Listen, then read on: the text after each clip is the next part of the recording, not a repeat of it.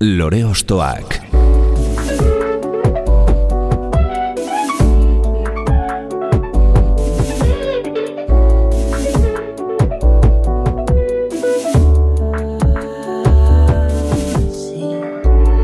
Ekain perezek aurkeztuta, gonbidatu bakoitza lore bat balitz bezala ostokatuko dugu. Jakiteko, zeintzuk diren bere lore ostoak. Haupa, zer moduz, ongi etorri lore ostoak era. Euskal Herrira kolore eta soinu berriak ekarri dituen baionako talde bat gonbidatu dugu gaurkoan. Afro rock edo desertuko roka, funk, jazz edo reggae ukituekin nahaztuta sortu dute beraien proposamen berezia eta hori guztia noski euskera zabestuta. Niko Beren, John Erbiti, Xabi Leon eta Xanti Legarto dira taldea osatzen dutenak eta hain zuzen Niko etorri da gurera okasionetan desertuko ondar artean gordetako petalo musikalak bereskuratzera. Hau lore ostoak da eta gaurko gure lorea Frikun.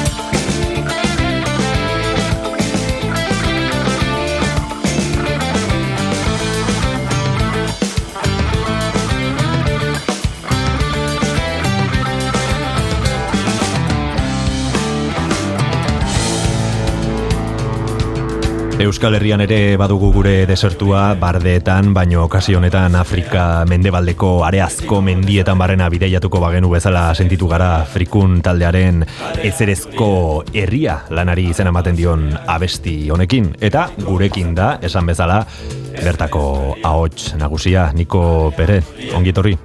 Egunon, Esa iguzu, nola sortu zen frikun eta batez ere nondik etar, etorri zitzaizuen afro rock edo eh, desertuko roka euskeraz egiteko eh, ideia hori.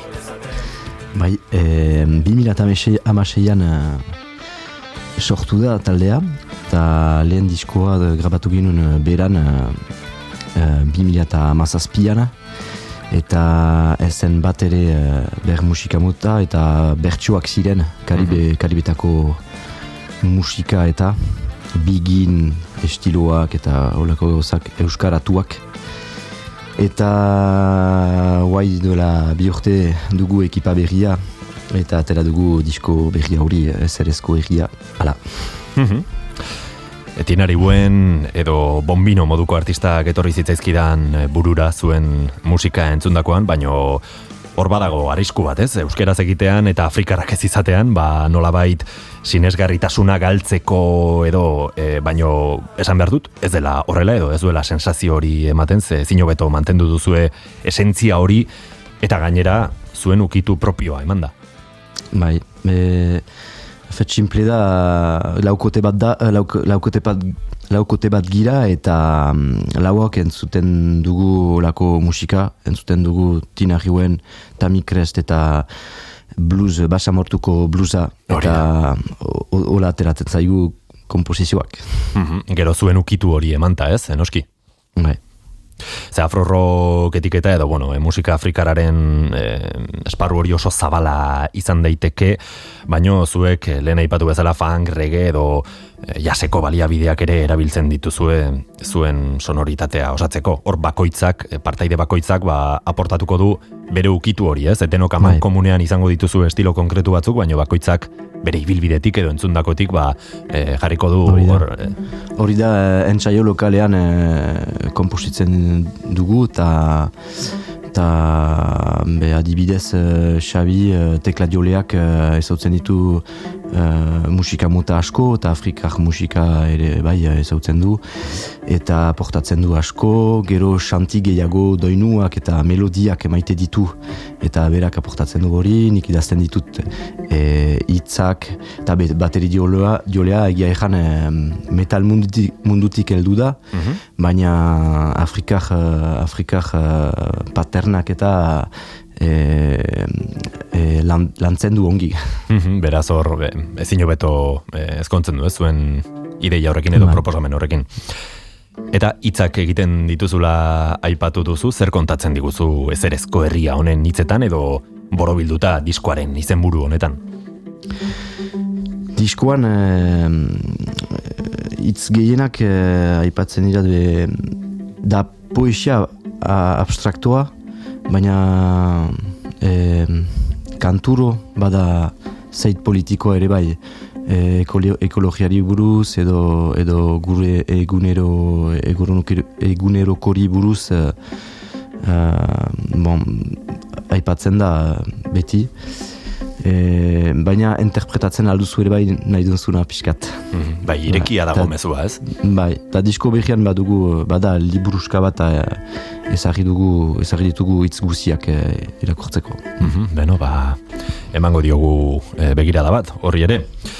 Frikun baionaren doinuak entzunez hasi dugu gaurko bidaia eta iritsi da niko pegen ostokatzeko unea. Lore ostoak. Gonbidatu bakoitza lore bat balitz bezala ostokatuko dugu.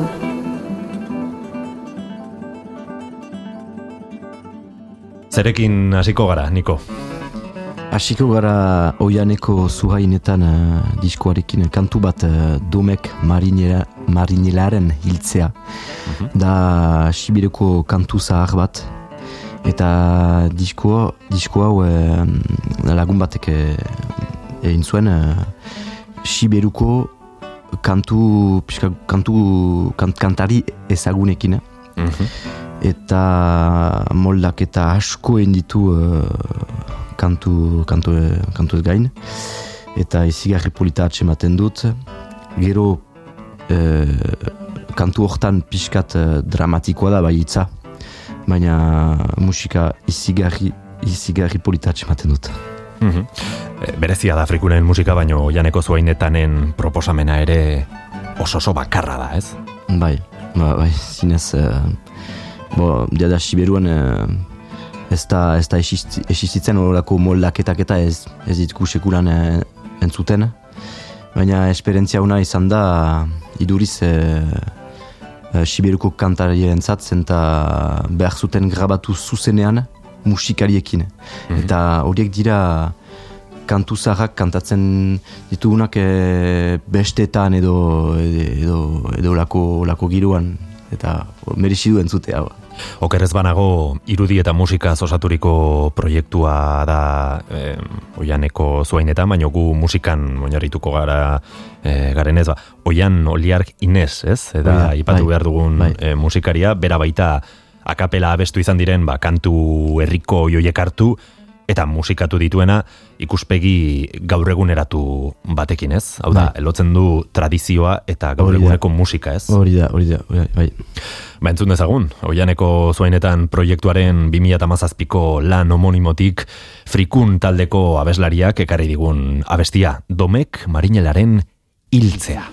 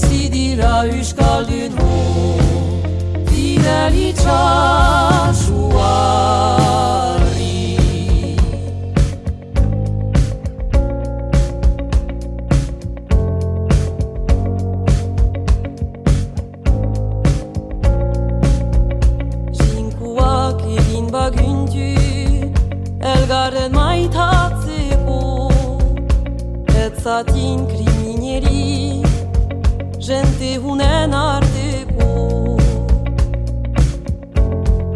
Ez izeta marinel bat Planta hortan hiltzeko Alhargun txagazte baten Igaretan usteko Biutetako hau bat Hain goizik maluratzeko Aita eta anaie bat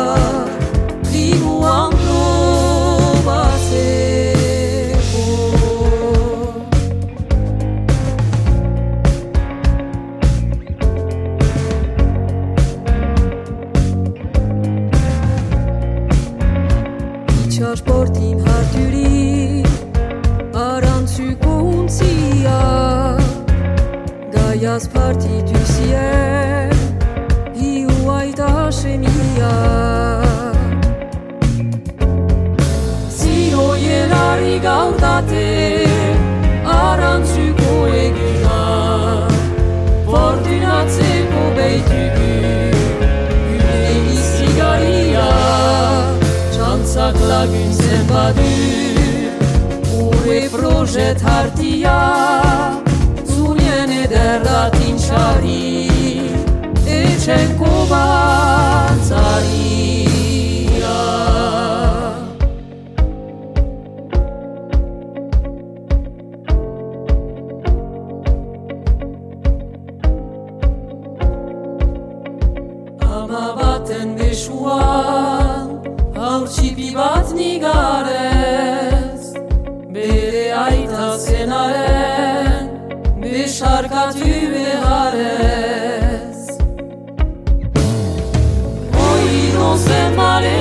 ruja Badakik ekatxarez Beti izan beharrera Lotxa itxasuarez Handitu hitzatini Ohartari aitarez Eta ez itxasuar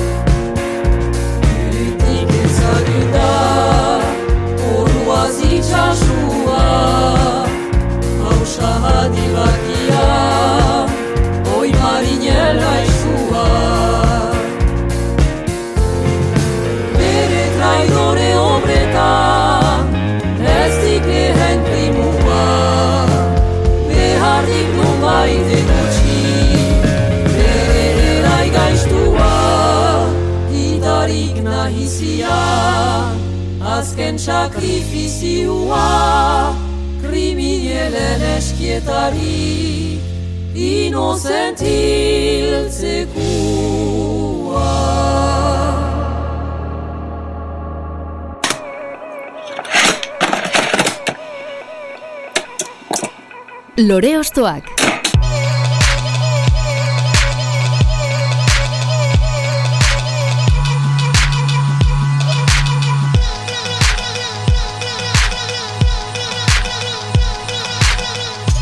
Oianeko zuainetan barrena ibili gara Nikoren lehen proposamenarekin, eh, Domek Marinelaren hiltzea besti honekin, eta entzuten ari ginen bitartean komentatzen e, genuen ez, e, azten da kantua, eta ez duzu espero horrelako ahots bat sartzea ez, baino aldi berean oso ondo geratzen da. Bai, zenta, bai, hasieran entzuten duzu eh, harmonia bat dela piskat eh, dirudi jazz. Bai, hori da. Eta ba, ba, ba batean, eh, Siberuko kantu da. gazte bat sartzen da. Mhm. Eta mm, hori dut eh, laketzen eta mm, esperientzia hona da, eh, eta e, idu, iduriz ez zen- bat ere herresa, zenta nahi, nahi zuen, uh, oianek nahi zuen eh, absolutuki grabatu kantuiek uh, zuzenean, ikusten alda YouTubeen eta badira, badira eh, grabatutako bideo, bideoak, Mhm. eta horregatik haitatu, ai, e, hautatu nun e, kantu hori, zenta zinez e, merezi zuen proiektu hori. Bai, izugarri ederra da, egia esan. Beno, niko beste pausua temango dugu zure testu ingurua zertxo bait gehiago ezagutzeko bideo horretan, zer da orain entzungo duguna. E, onduko kantua deitzen da Deabruaren kumbia, da Jose Ripiauren e, kantu bat ezaguna da, eh, kumbia, euskal kumbia Hori da. duguna. nahi nuen aipatu Jose Ripiauri buruz eta e, taldeari esker ezagutu dut e, musika mota asko, musika mota desberdin asko Jose Ripiauri esker eta eta ene lehen taldea pixkat ezaguna hemen e, Euskal Herrian zen Jose Ripley. Aha. eta sei, sei urtez e, biran ginen hemen e, Euskal Herri osoan egualdean ta- eta iparaldean eta lagunekin e, ez, ez ginakien e, mm, bazela hainbeste musika mota munduan kumbia, ripiau, merenge eta, eta afrikar musika eta, eta nahi nuen pixkat omenaldi bat bezala eta Bai. ne bigarren kantua. Bai, ze antzekotasun bat izan dezake Jose Ripiauren musikak zuenarekin batez ere kontzeptualki, hau da, atzerriko musika eksotikoak geure bilakatze horretan, ez? Ba, mm. Zuek Afrikako roka eta hauek kumbia kolombiararen doinuak euskeratu zituzten beraien ukitu pertsonala emanez, Carpe Diem, mila bederatzen dela rogeita amazazpiko diskotik ekarri diguzu kantu hau, konkretuki kantu hau, e, deabruaren kumbia aukeratu duzu, zergaitik. Zentabe mm, Joseri Play taldea, zinema, Joseri Play zen ziren eh, Joseri Piauren bertsuak. Eta horita gero, uh, iparaldeko musikariekin montatu dugu talde bat deitzen dena kumbian bero, eta kumbia kolombiara jotzen dugu, eh, ordu bat erdi uh, errepertorio bat kumbian. Aha. Eta hori Joseri Piauri esker. Mhm, Gustuko duzu beraz Bai, atzerriko musika hoiek e, esploratzea edo bueno, Bai. e, leku berri hoiek e, bilatzea, ez? Gure Hori da. Euskal Herriko muga e, hauetatik, ba, aratago joan ez, ez? Nola bai? Ba, ba, bai, bai. Bo, gero, egia egan, entzuten dut dena, fe, entzuten, entzuten dut eh, metala, joka eta, baina bai, azken uh, urte, urtean eh, gehiago uh, atzeriko musikan eh, naiz bai. Mm. Jose Ripia ondo irudikatzen du beraz e, ikuspuntu hori eta esan bezala Carpe Diem diskoa irekita entzungo dugu Deabruaren kumbia. Hemen datoz Jose Ripia. Arriba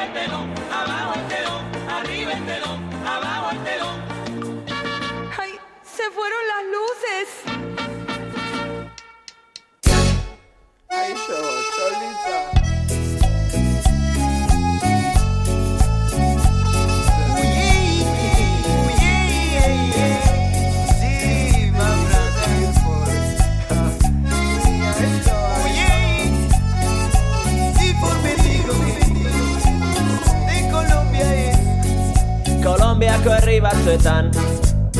Bi urtean behin Urtarrian izaten da. Bi urtean behin Diabro zintzu baten festaguna Ospatzen da. Diabro zintzu baten festaguna Ospatzen da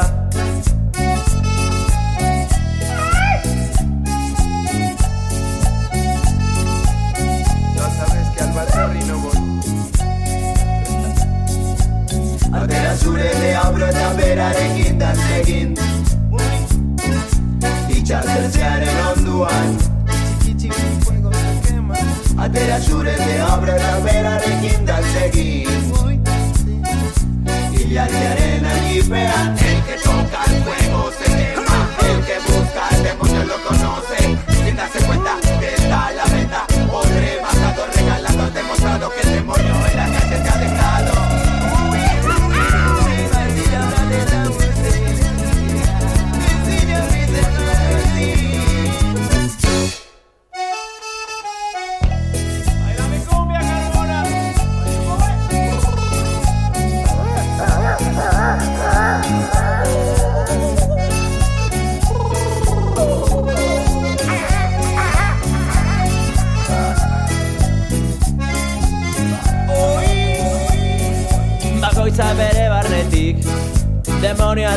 ateratzen du. Bakoitzak bere barnetik Demonio ateratzen du. Tabako eta rona erosten duten Barran daiteko Tabako eta rona erosten duten Barran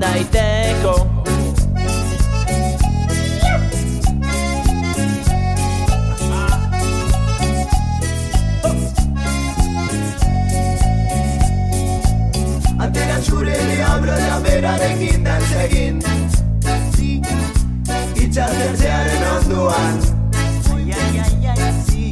Atera zure diablo da berarekin dantzegin Ilargiaren agipean El que toca el fuego se quema. El que busca al demonio lo conoce. Sin darse cuenta que está a la venta. O rebajado, regalado, demostrado Que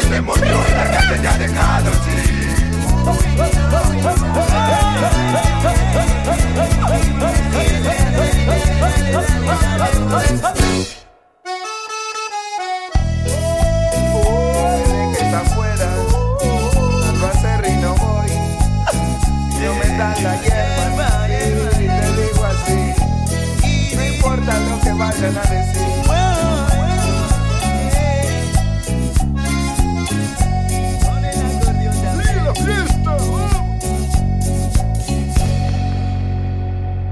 Inigo Muguruza, Javier Muguruza eta Sergio Ordóñez izan ditugu azken minutuetan kumbia doinuak eskainiz eta kapitulo hori itxi ostean beste bat irekiko dugu.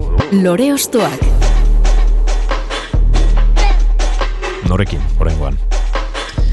Iparraldeko lagunekin Willis Drummond Eh, bizi izan naiz eh, haiekin eh, lau edo bost urte eta biran ere bai egoniz Abai? haiekin hiru edo lau urte eta argiteknikaria naiz Aha. eta Ondo ezagutzen dituzu, beraz. bai taldearen hasieran egon gira asko denbora elgarrekin eta erraten dugu beti beraei lehen diskoa oberena dira. eta ur gainan kantua maite dut zen eta e, ezagri dute e, tromboia eta, eta trompeta eta hori joka, rock, rock powerean et, maite dut hori e, entzutea zen eta ematen du indarra asko eta eta hala horregatik e, ai- e, hautatu dute kantu hau. Bai, gehigarri hori ematen diote ez, beste instrumentu batzuekin, edo, bueno, estilo konkretu horretan agian oikoa ez dena ez. Bai, bai, ikusten da hori uh, Amerikar eh, taldeetan, eh, rock, eh, rock Amerikar taldeetan eh, entzuten da uh, tromboia, trompeta eta saxofoia, me hemen eh, gut, guti bada, guti Mhm. bai. Mm. Hasiera batean, e, irurogeita marreko hard rockaren e, bide e, hori jorratzen edo hasi ziren, baino diskotik diskora argi utzi dute ez direla talde estatiko bat. E, evoluzio Ez. konstante batean daude ez? E bai, me gero ta, egia erran talde guziak, zet, ez da zaila da ber ekipan eh, ibiltzea hogei urtez, ber musika estiloan egotea, eta eta bai hasiran gehiago rock power zen, guai, niretako gehiago rock popetan da, eta mm, gehiago eh, hitzekin, eh, hautsekin eh, ibiltzen dira, hasiera konparatuz, eta hori da, tal, talde baten talde baten eh, evoluzio bat evoluzio normalako. Bai, normalena hori da, Bai, ez? Kolaborazioak egiten dituzte eta hori da interesgarria musika munduan.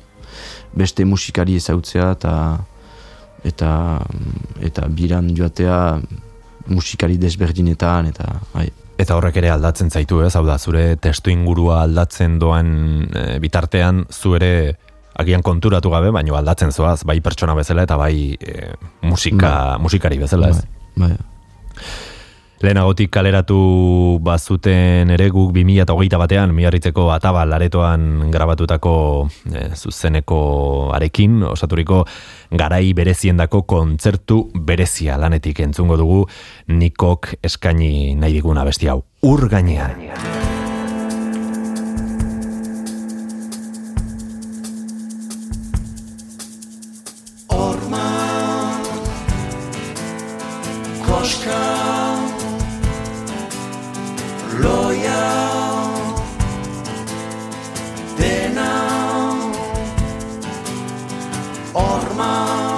Zuloa koska alla lokarria loia alla egarria dena alla deuse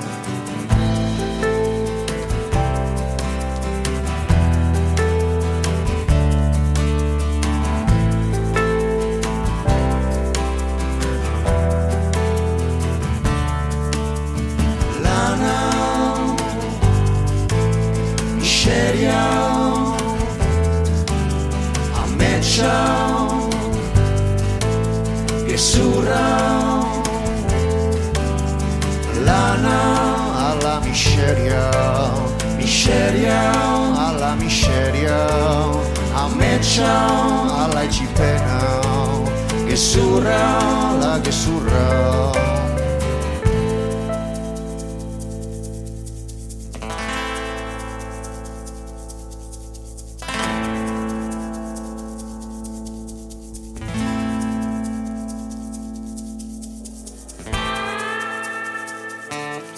Biertzeen artean Itxasoa usteko Gogori gabe.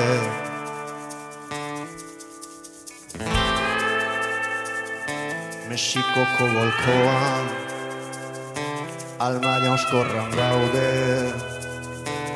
Urgainean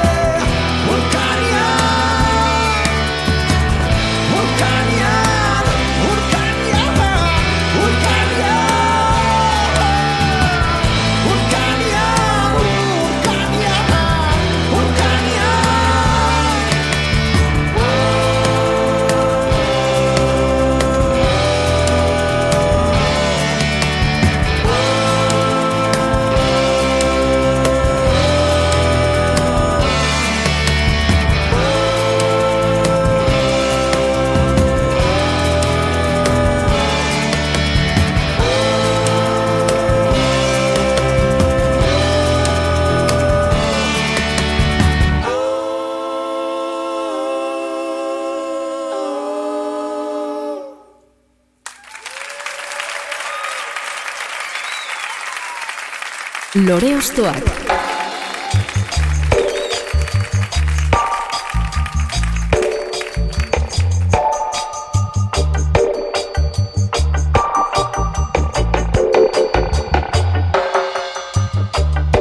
Niko Perret, frikun taldeko abeslaria ostokatzen gabiltza gaurkoan, arribitsi batzuk eskaini dizkigu dagoneko, baino oraindik ez dugu gure kantu egarria gehiago nahi dugu, Niko. Itoiz taldearekin eh, berandu da kantua. Eh, eh, importantea da, zenta eh, ene familian, eh, ene ama entzuten zuen asko itoiz taldea. Aha. Eta nos, nostalgia da, zinez. Eta e, bo, e, baztertu dut, e, baztertu nun pixkat e, itoiz.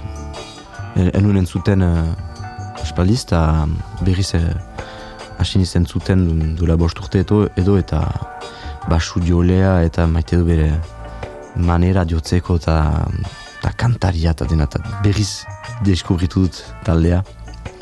Eta mm, eta da, niretako da Eusk- Euskal Herriko talde ez oberena baina talde oso ona e, historikoki zenta mm, da musika estilo berezi bat ere bai itoiz ez da ezin da klasifikatu ez da, ez da rock puroa ez da eta hori maite dut taldeetan eh, ez da seka, sekatu dute zait jazz munduan rock munduan eta pop munduan eta, eta Konfusio hori sortzea hori da. Ah, eta euskeraz Mhm.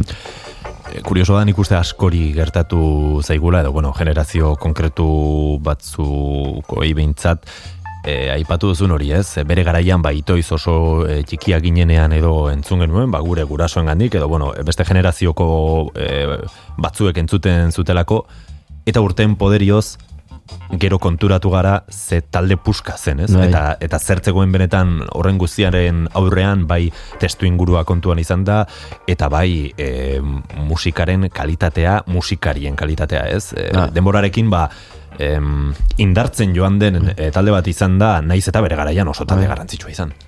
Bai, oso talde, oso talde garantzitsua entzan, baina entzun nuen, itoiz ez zela hainbeste ezaguna. Mhm. Azkenean, uh, pixkat uh, berezia zen, bitxia zen, Bai. bere denboran. Aurreratu egia zuai entzuten duguna gehiago itoiz. Bai. Eh, hola. Ba, esan bezala Euskal Poparen eh, koroa nork eraman beharko lukeen eztabaidagarria izan liteke, baino Juan Carlos Pérez eta konpainiak, hau da, itoiz taldeak, eskubide osoa luke benik behin e, hautagai izateko. Espaloian, mila bederatzen da laurogeita bosteko diskoa ireki eta bertatik entzungo dugu, berandu da. Lengo baten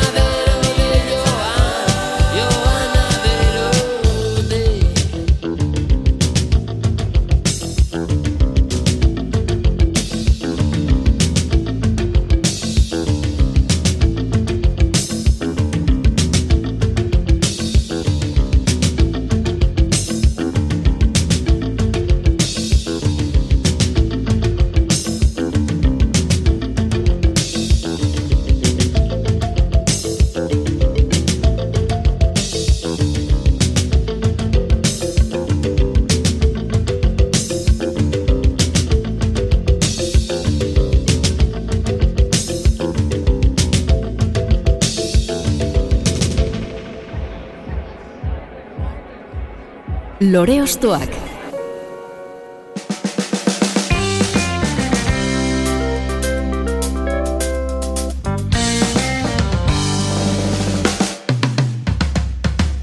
Gaien jateko Everyone knows it, gogo handia everyone says it, Suntxintzen gaitu emekienek except who benefits from it. Irla berezia Everyone knows it, Itxas zabalean everyone says it.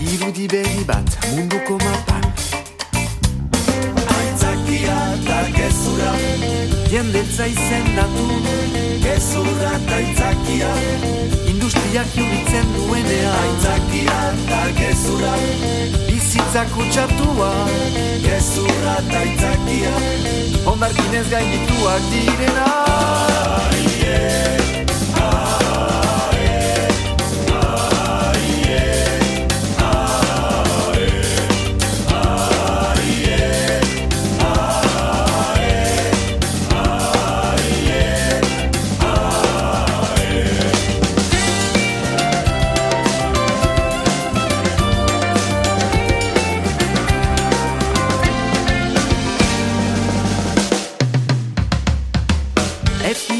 bazter Everyone knows it, Ez eten ezoki everyone says it, Moskin gizartea tiranoak denetan. Except who benefits from it. Bizigabeko motzonua Everyone knows it, Gagabeko basua. Everyone says it. Efektu berri bat arnasa hartzea. Aitzakia eta gezurra, Jendetza izendatu. Gezurra eta aitzakia. Industriak jubitzen duenean. Aitzakia eta gezurra, Bizitzak utxatua gezurra eta aitzakia. Ondarkinez gaindituak direnak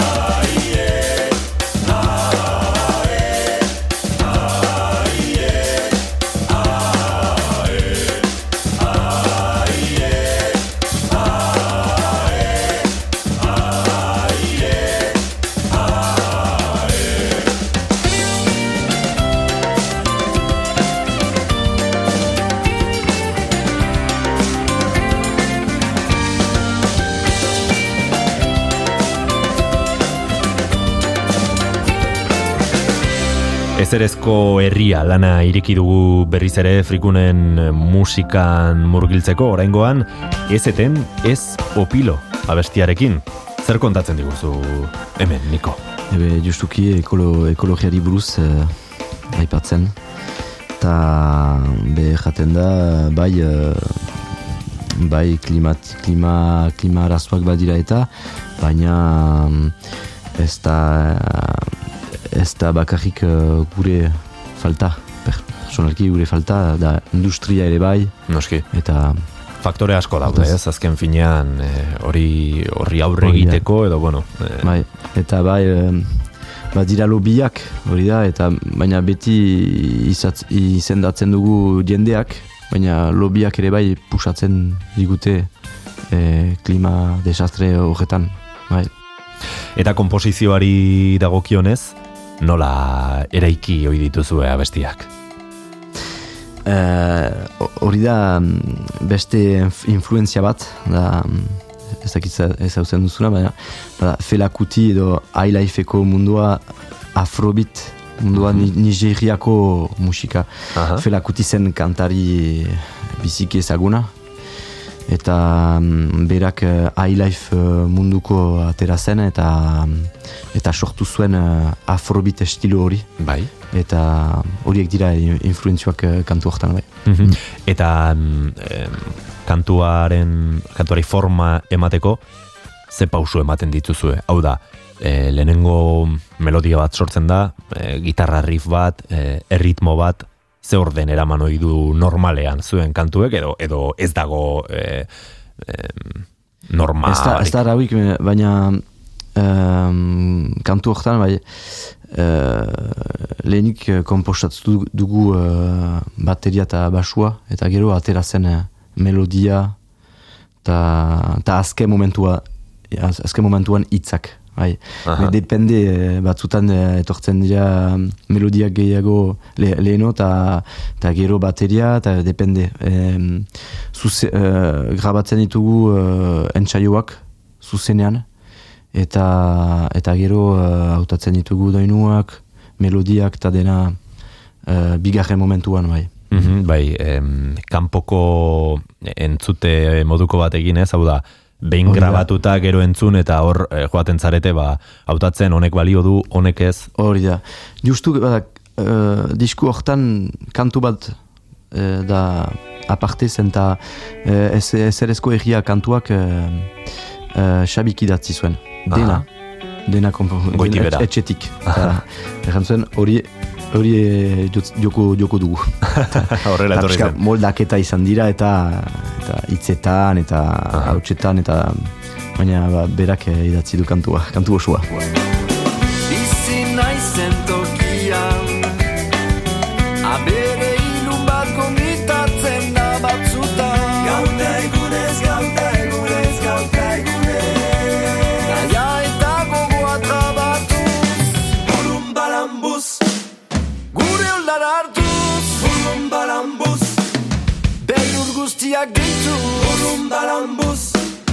Gure olar hartuz bulum balambuz, Beldur guztiak deitu bulum balambuz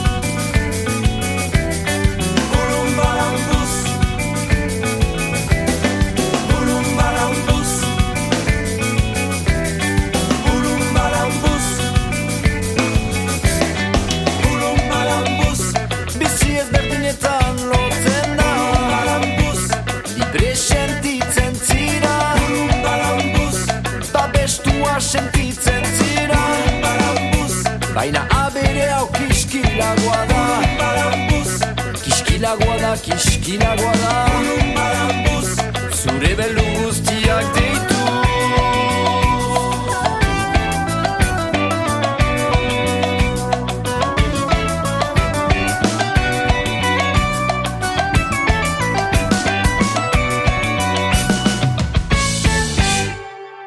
Bulum Balam izena du entzuten ari garen ezerezko herria diskoko beste abesti honek, e, zuk ahotsaz gain basua ere jotzen duzu, ez? Orain aipatzen Bai. ari zinen ba aurreko kantua basua eta bateriarekin e, osatu e, zenutela, mm, basua eta ahotsa biak sartzen dituzu, ez? Bai, bai, bai. Mm.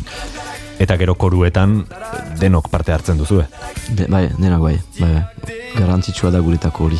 Bai. Eta zuzenean eh, indarra emateko uh, lau ahots uh, nahi ditugu. Baina horrek lanketa bat ere suposatuko du. Hau da, e, ahotsak ondo enpastatu Ah, e, behar da- denok. Bai, behar da den- denak alatu eta um, azkenean uh, jonek, do- jonek jotzen ditu uh, iru tresnaz, eta badu bateria, samplera eta bere ahotsa. Ostras, e, Eta lana, lana du beraz, ez? Bai. E, bai zuzenekoetan, bai entxegutan, eta hori da. eta kuriositatez, em, nondik dator frikun taldearen izena? Frikun uh, erraten da, es- euskaraz da, eta da bazterrekoak, marginalak, bai. Ah, Da. Da hitz zahar bat, eh? ez da, ez da erraten, ez da entzuten guaia. Bai, gure hizkuntza gorde, gorderik dituen e, hitz horietakoak, ez? Askotan Bai, bai. kostatzen zaigu Bai. e, horra, atzean daudenak ezagutzea, baina Atxeman dugu nunbait. eh. asko dago ez? No, ba, begira, ze polita. Hemen ere euskeraz ikasten egunero, ez? bai. Eta diskoaren grabaketan non eta nola egin duzu, eh? parte bat egin dugu uh, mugeren uh, uh, Lapurdin, Serge Bian, uh, Serge Benen est, estudioetan. Eta, bon, lagun bada, eh, eta sentzitzen gira etxean bezala bere estudioan, eta hori importanta da ere bai. Eta, mm, eta grabatu ditugu uh, gitarrak, bateria eta basua bere estudioan. Berak uh, soinu nasketa egin zuen eta eta gero um, beste tresnak uh, tekla eta hautsak uh, Xabiren etxean uh, grabatu ditugu bai. Mm lasai izateko eta aparte ene hautsa, hau ene hautsa estudioan grabatua izan da, baina koruak eta Xabiren etxean. Ekain Perezek aurkeztuta, gonbidatu bakoitza lore bat balitz bezala ostokatuko dugu. Sar gaitezen berriro Niko Bereten erradiografia musikala osatzeko eh, prozesu horretan frikunen musika aparkatuko dugu eta beste proposamen bat eskatuko dizut. Bai, Imanol kantu bat kukua eta primadera. Mhm. Badugu hageman bat iparaldean uh, um, kantu, euskal kantuekin eta akap, akapelan kantatzea eta asko maite dugu uh, iparaldean bestetan familieko edo laguneko um, bazkaietan eta Orduan, uh, be, fe, bizki maite dute kantatzea lagunekin eta kapelan eta eutatu dut eh, kantu hori zen eta usu kantatzen dugu. Bai, be- beraz zuk ere e, bizi izan duzu, ez? E, familian edo e, zure inguruan iparraldeko abesteko grin hori, ez? Bai, e, gerran, uh, bo, ene aita, ene, ene aita ondarribikoa da, Ah, eta ene ama frantziakoa da, aha. eta euskaldun behia naiz, baina euskaldun munduan ibili naiz uh, tipitatik eta bon, berantik ikasi dut uh, eta ikasten ari niz beti Eh, euskara, eh, baina eh, bai, eus, euskal, euskal kantu repertorioa ongi ezautzen dut. Bai. Mhm, Jaso Eta duzu. basen afarroan uh, aziniz eta eta kantatzen da asko. Mhm. Lehen aipatu dugu oianeko zuainetan proiektuarekin ba, gure herriko akapela edo e, soieka hotzez abesturiko kantutegiaren garrantzia. E, baina lehen e, kantu horietako bat musikatuta entzun badugu orain sustraira joko dugu. Ba, iparraldeko eta kasu honetan e, aipatu duzun bezala ba, Baxen Nafarroko ahots tradizio ederra bereskuratuz Salvadorren kantutegitik. Kasu honetan ze e, berea da e, kantua bai, ez? bai. Bai Manolen ahotsean eta Pako Ibainezen koruarekin entzungo dugu beraz, gure peleko hartzainaren kantutegitik muga beroetan, mila bederatzen da laurogeita bederatzean bereskuratutako kukua eta primadera.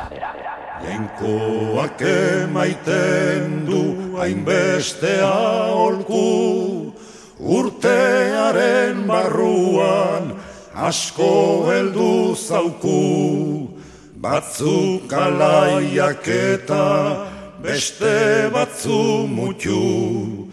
Kukuak primaderan egiten du kuku. Biziaren esperantza erakartzen dauku. Esaera zahar bat berritzea nua Kukua berrikitan baita isildua. Ez bada akabatzen guretzat mundua. Guarekilan bainan denbora badua. Berri zentzunen da kukuen oiua Askotan ikusi du arbola batean Lagunak ez zituen nahi bakean. Uda orzen gainean, ura joaitean Entzunen aldut berriz, eldu den urtean Ez dut gozorik berriz, ura entzun artean Lore Ostoak.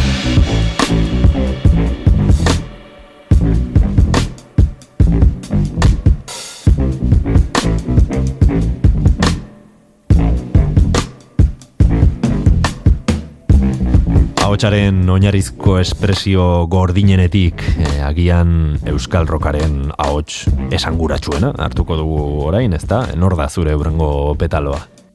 Niko etxartekoa gili gili katzen haut. Eta zergaitik Eh, ekarri diguzu, abesti hau edo artista hau, ez? Bai, bai, eta kantaria. Uf, Bai. Kantari ona. Ez behartua, baina kasik. Baina Bai. zerrekin argudiatuko zenuke, eh, niko etxarten autua. Em, bere, bere ibilia musika munduan, egon da Parisen asko, Bai, baina e, atxiki du bere, bere aheman e, eskolegiarekin eta siberuarekin.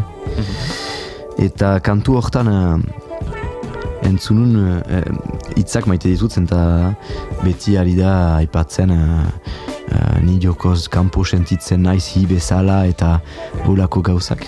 Eta egia erran ene, ene hitzetan e, pixkat e, eh, harreman berdina dut. Ez, e, e, idazten, idazten dudalarik e, ez dut, mai, ez dut e, nik kontseilurik emanen e, jendei. bai. Ene posizioa ematen dut Mhm. mundu hortan.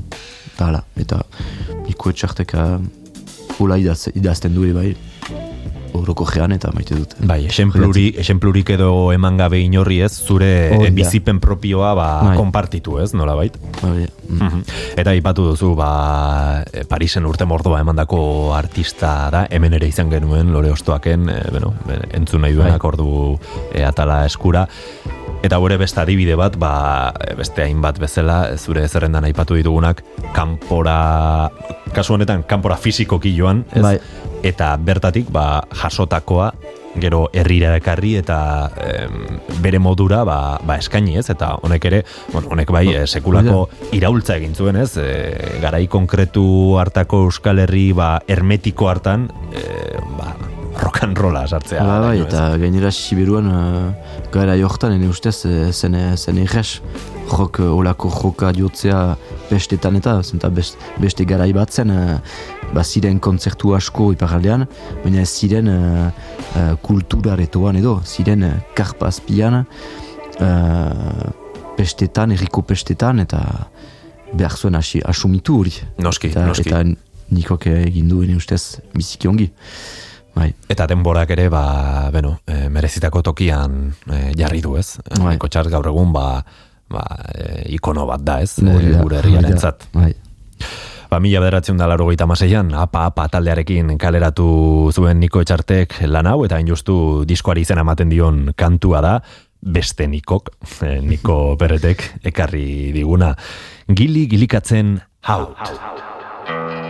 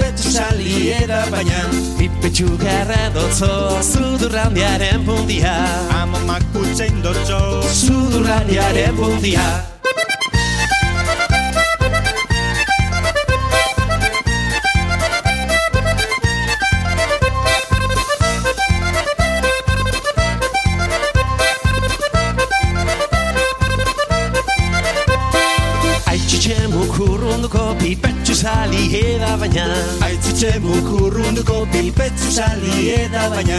Pipetxu garra dotzo Alkondari ebarria. Amo make karde utxo Alkondari ebarria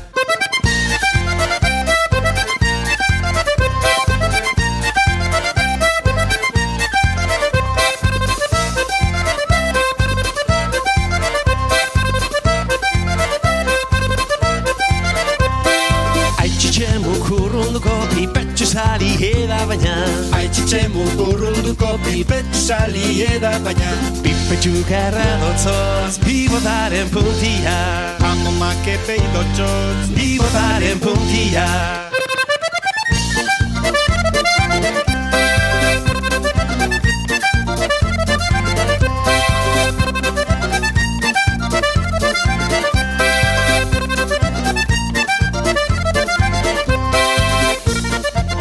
Trikitisa leku berrietara eramateko bideo horretan jarri gaituzu aitzitxe mukurrunduko abestia entzunez ez arresa e, titulua esatea, eh? Konta iguzu, norden, e, ba hori, norden ekarri diguzun artista hau eta zergatik aukeratu duzun. Hainuen hautatu uh, uh, trikilari, trikilari bat, Euskal Herriko trikilari bat, eta autua zaila zen, zenta um, beti dute uh, Joseba Tapia, ba, entzuten dut, kasik uh, astero. Bai. E, eta alatzeko pixkat uh, korontzi aitzitxe mukurunduko kantua uh, hautatu dut, zenta ar, argi teknikari gisaz lan egiten Bai. dut e, kontzertuetan eta eta gurutzatu ditut asko zuzenean uh, igoldean eta iparaldean eta eta um, badute soinua zuzenean poa, impre, impresionantea pixkat. Eta basu jolea jotzen du ere bai kontrabasua ni bezala.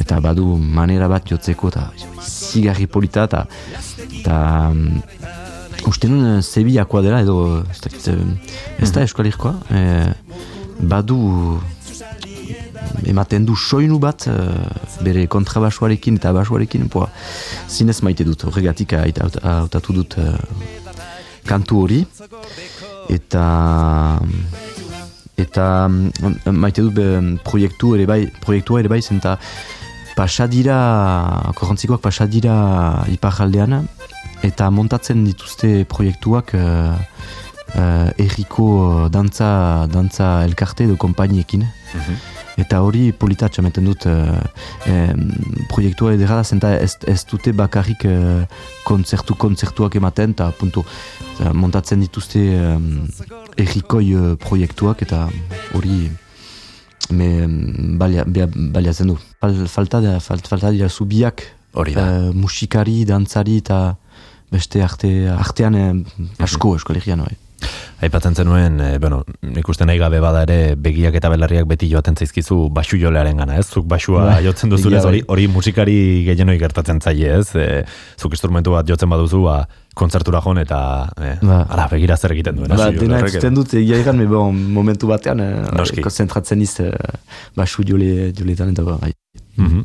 Agus baren diaran, e, trikitilaria da korrontziren atzean dagoen e, buru pentsalaria, baino em, musikari ezberdinez babestuta e, txalaparta edo alboka bezalako beste instrumentu tradizional batzuk ere hartu izan ditu ardatz. Amorantek, Amorante artistak beste atal batean esan zigun moduan errespetuz, baino tradizioari traizio egin behartzaio e, neurri batean garapen bat izan nahi badugu, ez? Horrela uste duzu? Ba, bai, hori da. Ez, ez badugu mantentzen uh, tradizioa. Bon, gero uh, landiero da hori erra- erratea, me, be, bilakatzen da pixkat uh, folklorea, eta eh, hori ez dugu nahi. Eta horregatik eh, maite dugu um, olako taldeak korrontzi edo Joseba Tapia ere bai, zenta Josebak ere bai proposatzen ditu eh, ematea mm, eh, tradizio tradizio tresnak jokarekin eta, eta mm, Leku berrietara ez. bai, tra, tradizio bat mantentzeko eh, hori da gar, garantzitsua. Ez bakarrik eh, bai panderoa eta trik hartu eta hori enen dugu eh, mila urtez. Da, bada eboluzio bat ere bai tradizioetan. Eta haien manera egiteko korrontzikoak eta ma, maite dut. Eta korontziren ondotik beste hau ekarri diguzu. Conta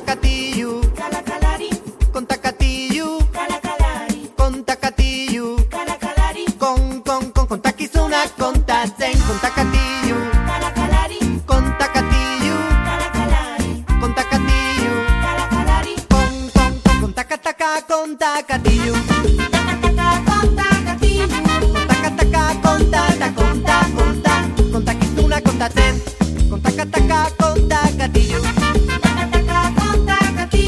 Kontakataka kontaka konta konta Asmakizunak asmatzen zen zen Kontakataka kontakatilu Kontakataka kontata konta konta Beti gezurrak esaten Ez zaitu Ez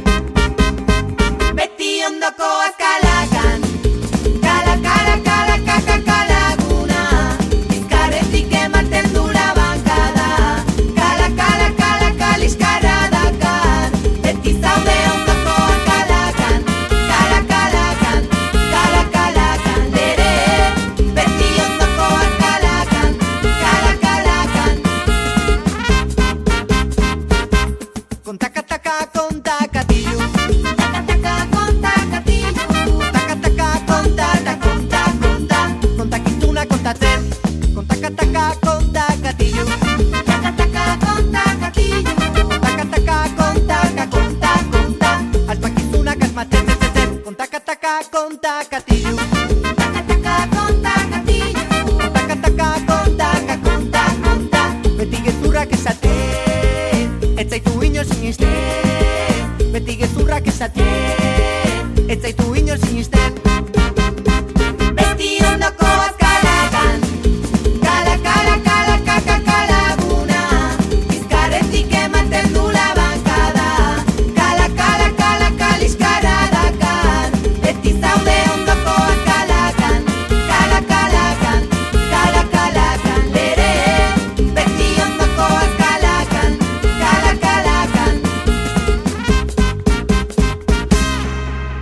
Beste adibide bat Jose Ripiau edo Frikunen e, moduan euskal musika exotikoaren bide horretan, ez? Bai. E, zure ustez, e, derecho zuen, e, duela berrogei urte Euskal Herrian, Sevillako eta Espainolako musika bertsioa Euskaraz e, itea. Agian ezen ondo ikusia izango, ez? Nire ustez ezain beste, e, nola ditzen da taldea. E, Gozategia aparte. Hori da, egia da, egia da, bai, bai, bai, bai. Eta be kilimak eh, taldea enuen eh, ezagutzen, izenez bakarrik. Mhm. E, joan izaurten uh, erri urratxerat, txempereat, eta, eta entzunen uh, urjundik uh, soinu hori zuzenean, zer da. Eta lagun batean, ah, ari dira, kilimak taldea ari dira, ah, ba, bago, bagoz, bagoz ikusteat. Sorpresa, una, izigarri una. Enakien, eh, eta mm, eta zuzenean indarra dute, eh, gazte, gazteak dira, eta bai em, kantaria eh, badu indarra, badu eh, hageman berezi bat publikoekin urbiltzeko eta eta dantzarazteko eta bai eta maitu dut, maitatu dut talde hori eta entzuten dut bai eh, diskuan. Horregatik hautatu dut eh, kilimak taldea. E, aipatzen zen honarekin gaur egun agian em, burua e, edo begirada zabalagoa dugu, ez? Hau da, em, herrien arteko loturak egiteko edo e, batez ere generazio berrietan, ez? Eta kilimaken em, ba, proposamena esenplu moduan argenezake. Ba, ba, uh, me enf- uh, ohartu gira ene ustez, uh, gure behel bela, belanaulia, uh, dera aberats bat, um, me, zabala, zabala, zabala izatea. Bai. Bo gero, uh, ene ustez, Euskal Herria uh, egon da aski zabala, zenta um, historikoki uh, ikusten da, izan, izan da, izan dira kan, kanpoko jendeak pasatzen eta Bai. izan da. Hori da. Ez dute janen Euskal Herria etxia dela. Baina uh, irringarria da, da irringarria, um, ona da entzutea flamenkoa euskaraz, zinez. Hernanitik, Agustin Garmendia, Jonez Osaia, Ander Larrañaga, Oskitz Gorrotxategi eta Intza Zozaia dira kilimak proiektua osatzen dutenak. Zuek urrengo diskorako edo aurrera begira, hildo beretik jarraituko duzu, hau da, desertuko roka, afrobita, em, edo musika afrikarra egiten jarraituko duzu edo edo beste bide bat hartzeko prest zaudete. Ez dakigu, know, uh, momentuko gure, gure naia da gure musika partekatzea zuzenean, zinez. Uh, importantea da taldearen zat, zenta be, bi urtez ez dugu dio, gu- Pandemia ere horregon da ez, e, bueno, Hori da, hori da. Eta mm, estiloa, ez dakigu, ba, ene ustez eh, egonen gira estilo horretan, baina ba, bakizu, jada disko berri hortan aski zabala da, zenta bada afrobita, eh, bada, bada mm, blues, basamortuko bluesa, badira influenziak, eh, Afrika influenziak desberdinak, ta, baina ho- hori inguruan egonen gira, bai, bai. Lore Ostoak.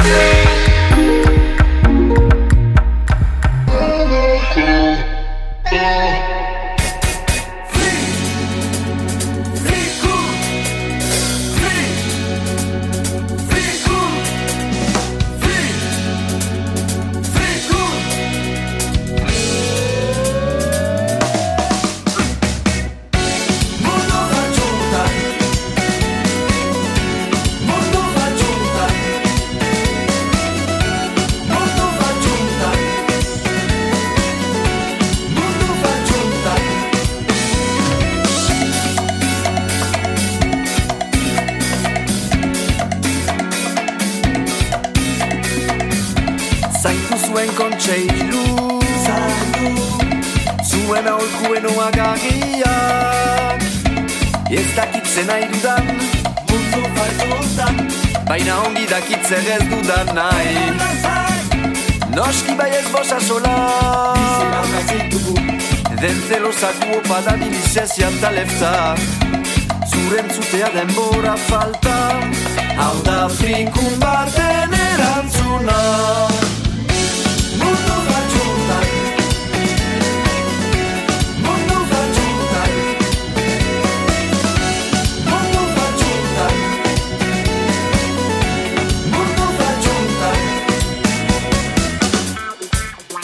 Frikun taldearen ezerezko herria diskoa izan da gure abia puntua eta gaurko bidaiari amaiera emateko mundu faltsu untan kantua entzuten ari gara. Oso azaleko mundua da gaur egungoa ez? Itxurakeriaz betea eta nolabait hau da frikunen erantzuna. Bai, eta be, um, e, kantu hau idatzi dut duela uh, duela zazpi urte. Ah, bai, eh? Bai, eta aktualitatez da, eh? Baino. Bai, hori da, ez, ez da zarkitu mezua behintzat, ez? Bai, egunero azala, azalari kasu iten, eta bai, eta, bo gero, uh, erran nuen bezala hasieran, uh, interpretatzen alduzu nahi, nahi duzun bezala. Baina, aipatzen da, bai, uh, uh, zailaldena bere lekua atxematea mundu, mundu hortan. Bai. Kantu gehienetan esango nuke gitarrak izan ohi direla ba, zuen abestien oinarria edo e, protagonista horratzean, ahotsaren e, atzeti, baino kantu honetan beste batzuen tan baita ere, e, sintetizadore e, lead e, horrek ba, protagonismo desente du, ez, estribiluan eta baita bukaerako solo moduko Ba, bai, zati horretan. Xabik maite, maite ditu olako zatiak eh, zenta badu nola egan eh, kartasuria bai. otatzeko eh, be solo bat edo eta eta funk estiluan eta ba, menperatzen du eh, spalditik berak eh, eta bai, Nabari. lida, lida bilakatzen da Mariko Peret, zure eta frikun taldearen erantzun horrekin geratuko gara. Mila esker gurera etortzegatik eta euskal musikaren panoramari kolore berriak gehitzeagatik. Mil esker zuri Ondo izan, ikusten gira zuzenean hori da, kusiko gara, hor bait. ez arioik Eta zuri entzule, ba, besterik ez, iritsi gara atal honen amaierara, baino urrengoan topatuko dugu elkar. Frikunen mundu faltsu untan entzunez, bagoaz. Ondo izan, eta urren arte. Mundu faltxuntan deia dela datzia den honetan Izan zuen errutinan izan txeur zure bidean Mundu faltxuntan esker eskun baliagagian Beti txurak erian, beti azal begi batean. Mundu faltxuntan